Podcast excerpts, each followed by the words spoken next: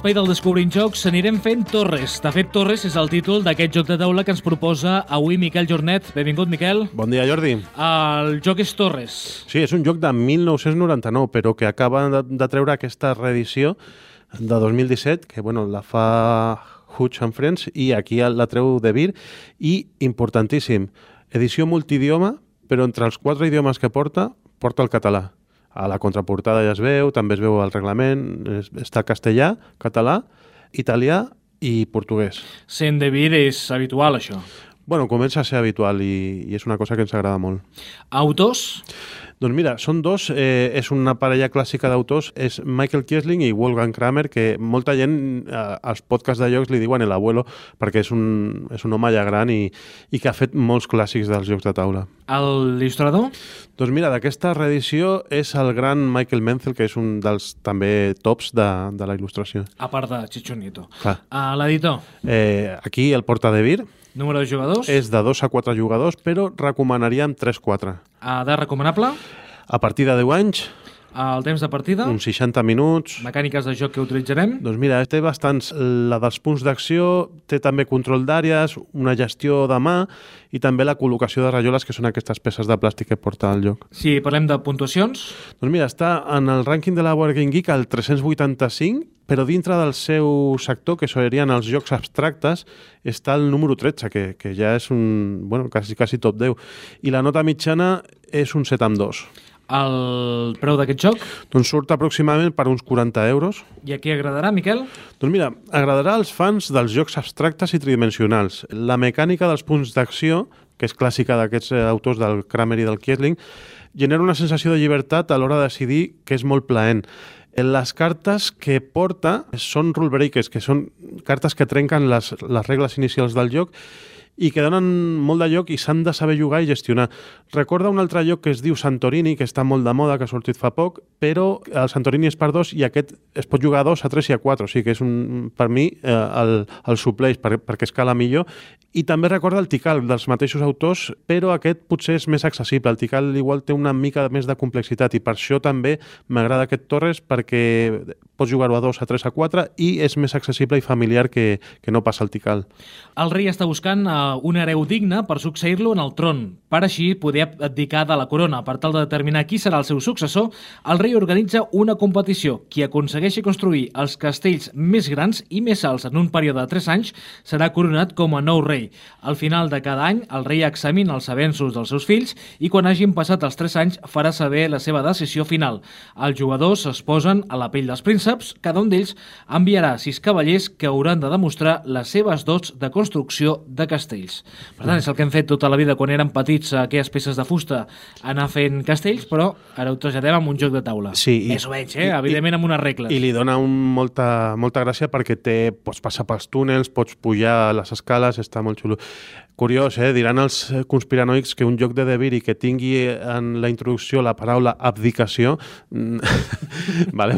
No té res a veure, No té eh? res a veure, no, no, no. És, és el que posa a totes les edicions.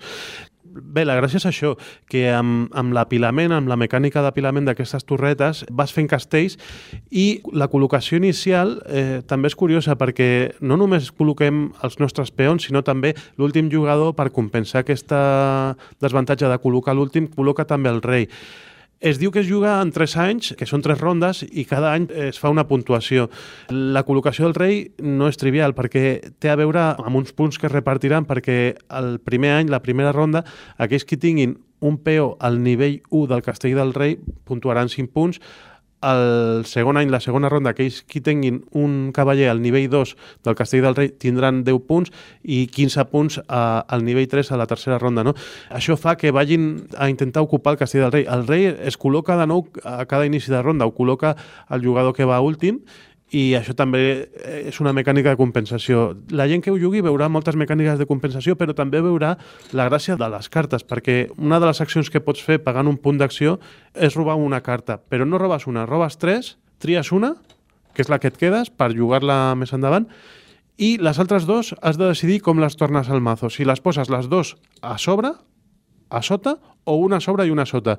Això ja a la gent que juga a jocs de taula li recordarà un mini deck building, no? perquè eh, vas construint el teu mazo i et deixes les cartes que et convenen robar més endavant a sobre, no? I, i les que no t'interessen doncs les, les enterres a sota.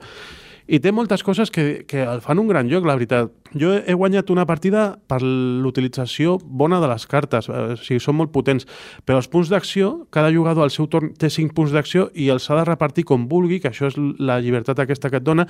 Eh, per exemple, col·locar un cavaller nou al tauler costa dos punts d'acció. Per exemple, si fas un, col·loques un, dius un, dos. Després, moure'l costa un punt d'acció, cada, cada casella que el mous. Només pot pujar un nivell, però sí que hi ha una carta que et permet pujar dos nivells, eh, que són les que trenquen aquestes normes. Després, col·locar una peça de construcció costa un punt d'acció, comprar una carta d'acció costa un punt d'acció i es compra com he dit abans, que agafes tres, tries una i les altres les tornes com vulguis.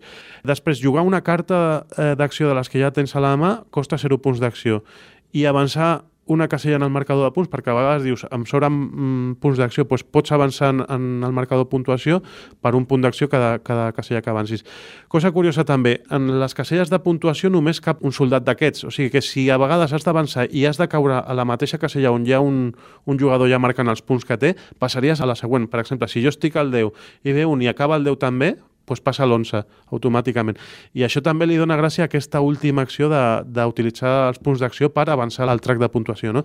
I té cosetes al, al lloc, la veritat és que han vellit molt bé, les edicions anteriors eren algunes mm, bastant lletjotes i aquesta de la capsa quadrada de Hutch i de De Beer, eh, la veritat és que és maca. Han triat el, el, el Michael Menzel com a il·lustrador, que és el, el crack dels cracks, i les peces de plàstic es juguen bé. L'única pega igual és que els peons de plàstic dels cavallers tenen una mica de rebava a la base i s'haurien de, de limar una mica o, o, o de lijar, perquè... Per tant, aquí agafem les eines de casa sí. eh, i la retoquem una mica, que segurament que és el que has fet, no, Miquel? Bueno, de moment està molt nou. Eh, va arribar fa poc a aquest joc perquè agraïm a Devir que, que l'hagi enviat perquè el ressenyem aquí a, al Descobrint Jocs i encara em falta fer aquesta manualitat veritat. El vaig poder jugar ahir, vaig fer tres partides, dos a dos jugadors i un a tres jugadors, i el joc millora molt més a 3-4 jugadors segur, perquè entre dos poden controlar més a un que s'està anant, perquè eh, hi ha regles, eh, també. Els castells no poden ser tan alts com el que, has fet, que tu has fet aquí una pila jo, de... Jo és que he anat posant peces. Sí, els castells tenen una regla que han,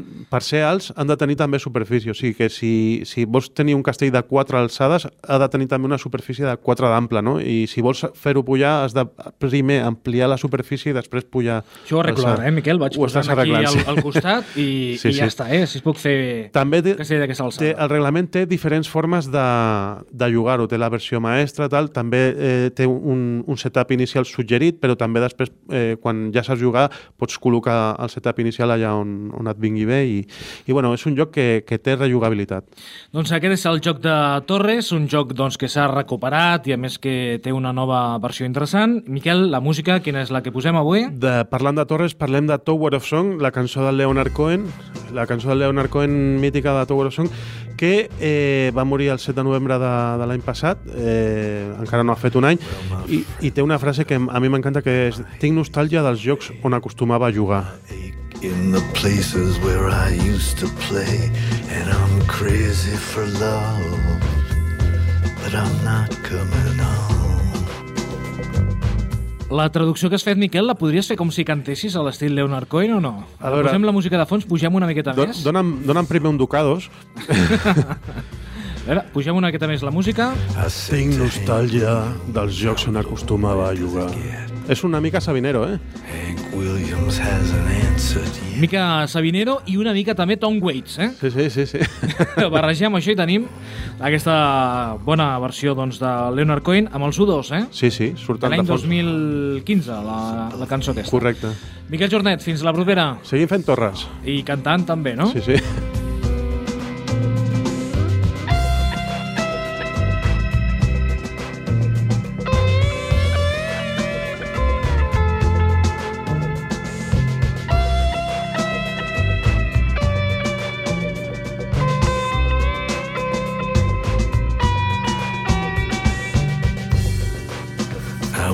born like this. I had no choice. I was born with the gift of a golden voice. And 27 angels from the great beyond. Well, they tied me to this table right here in the Tower of Sound.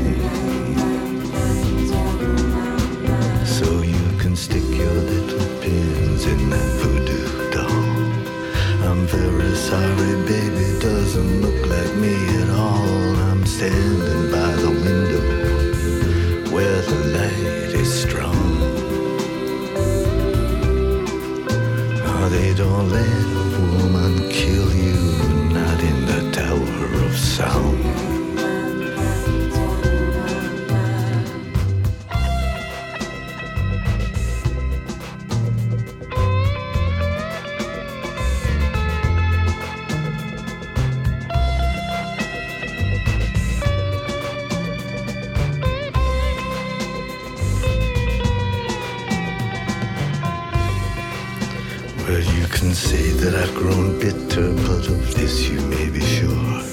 The rich have got their channels in the bedrooms of the poor, and there's a mighty judgment coming.